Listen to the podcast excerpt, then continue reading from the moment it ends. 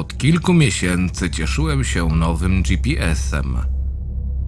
Musiałem przyznać, że praktycznie już po tygodniu zacząłem mu całkowicie ufać i przez ten cały czas ani razu nie zwiódł mnie na manowce, pomimo tego, iż jeżdżę dużo w różne ciekawe miejsca. Dlatego, gdy po owym miesiącu rodzina z drugiego końca Polski poprosiła, bym wpadł w odwiedziny, całkowicie zdałem się na jego trasę. Zdziwiłem się trochę, gdy po około sześciu godzinach zaczął mnie kierować z autostrady na wiejskie drogi, a później na całkowicie opustoszałą dróżkę biegnącą pośród lasu. Było już dobrze po pierwszej, kiedy pojawiła się lekka mgła. Zmęczony długą drogą prawie przysypiałem, gdy nagle ledwo co ujrzałem samochód blokujący moją drogę. Gwałtownie zahamowałem. Dupek, pomyślałem. Kto do kurwy nędzy zatrzymuje czarny samochód w środku lasu bez świateł? Wysiadłem z auta i podszedłem do blokującego drogę pojazdu. W środku nie było nikogo. Miałem tego powoli dość. Wiedziałem, że kierowcy coś mogło się stać, ale miałem to gdzieś.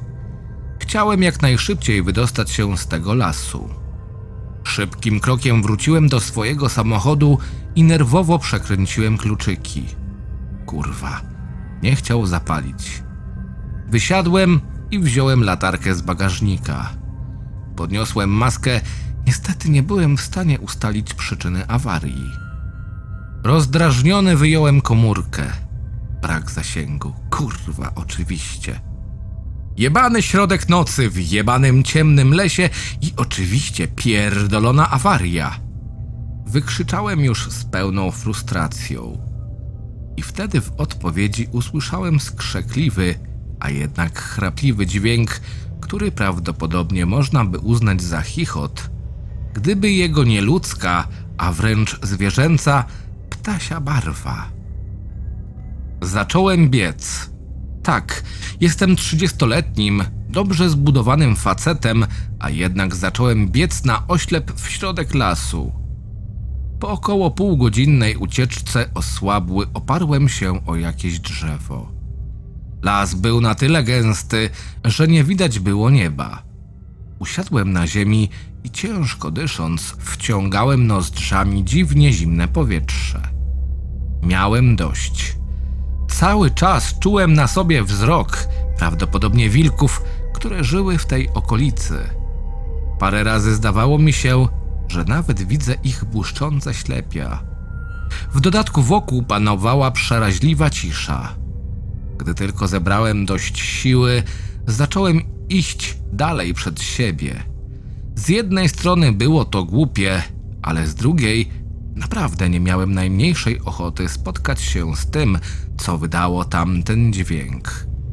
Przynajmniej wciąż ściskałem w ręku latarkę, aczkolwiek jej słaby promień ledwo dawał mi pociechę. Po chwili marszu dotarłem do czegoś, co można było nazwać chatą, gdyby nie to, że wchodziła w skałę. Drewniana struktura może i miała coś, co wyglądało jak przedsionek, ale wysokie, wąskie, otwarte drzwi i brak okien oraz dziki, niemal na prędce sklecony dach sprawiał, że budowla w niczym nie przypominała stworzonych ludzką ręką. Instynkt kazał mi odejść, a jednak coś magicznie pchało mnie do środka. Czułem, że na dworze robi się coraz zimniej. W dodatku miałem nadzieję, że znajdę tam coś do jedzenia.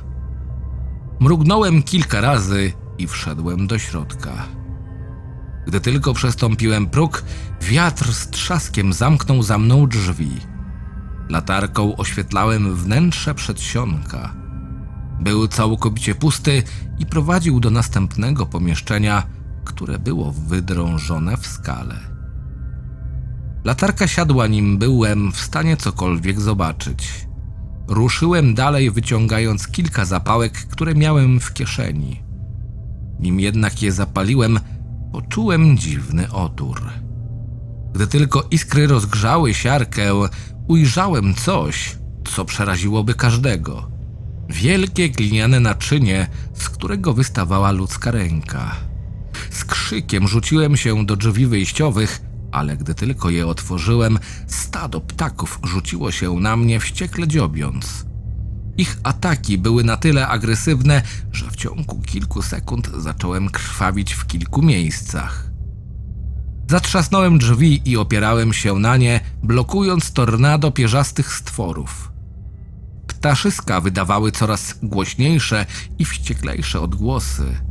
I wtedy usłyszałem dźwięk mojej komórki. Uratowany! Pomyślałem, wierząc, że wrócił zasięg. Jednak na wyświetlaczu dalej nie było sygnału. Pojawił się jednak pusty SMS. Po sekundzie drugi i trzeci. Mimo, że wciąż nie było zasięgu. W końcu pojawił się siódmy, ostatni SMS o treści. Rozgość się, zaraz będę. Drżącymi dłońmi sprawdziłem numer nadawcy. 000 000 000. Chciałem wierzyć, że to jakiś sen, ale boleśnie trzęsące się od naporu ptaków drzwi i pikące rany nie pozostawiały żadnych wątpliwości. Nagle atak ustał. Upadłem z uczuciem ulgi na ziemię, ale nie trwało ono długo. Drzwi z lekkim skrzypnięciem otworzyły się, ukazując postać podobną do starej kobiety.